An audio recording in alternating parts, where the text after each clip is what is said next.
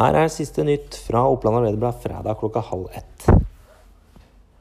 Datatilsynet har siden i vinter behandla en klagesak etter at LO Sommerpatrulje avdekka flere alvorlige arbeidsforhold ved en Gjøvik-bedrift i fjor. På arbeidsplassen som dette gjelder, ble det bl.a. oppdaga kameraovervåking av de ansatte, som Datatilsynet skal se nærmere på. Saken har vært behandla i overkant av fem måneder nå, og det er venta at det tar litt lengre tid før det kommer en avgjørelse, sier Datatilsynet til OA. En mann i 40-åra er sikta for drap på sine foreldre på Sotra utafor Bergen. Etter det OA kjenner til, har mannen tidligere vært bosatt på Gjøvik i fem år, fram til i fjor sommer. Mer om saken og utviklinga av den kan du lese på oa.no.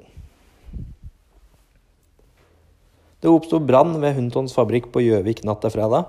Det tok fyr i ei tørke inne på fabrikkområdet, og eh, Arne Lange Jebsen, daglig leder hos Hunton, sier til OA at de ikke vet altfor mye om skadeomfanget foreløpig, og at produksjonen i går ble stengt ned, slik at eh, det ikke var fare for liv og helse. Jebsen sier videre at det ikke er vanlig at det brenner i denne pressa, men at det kan skje en sjelden gang.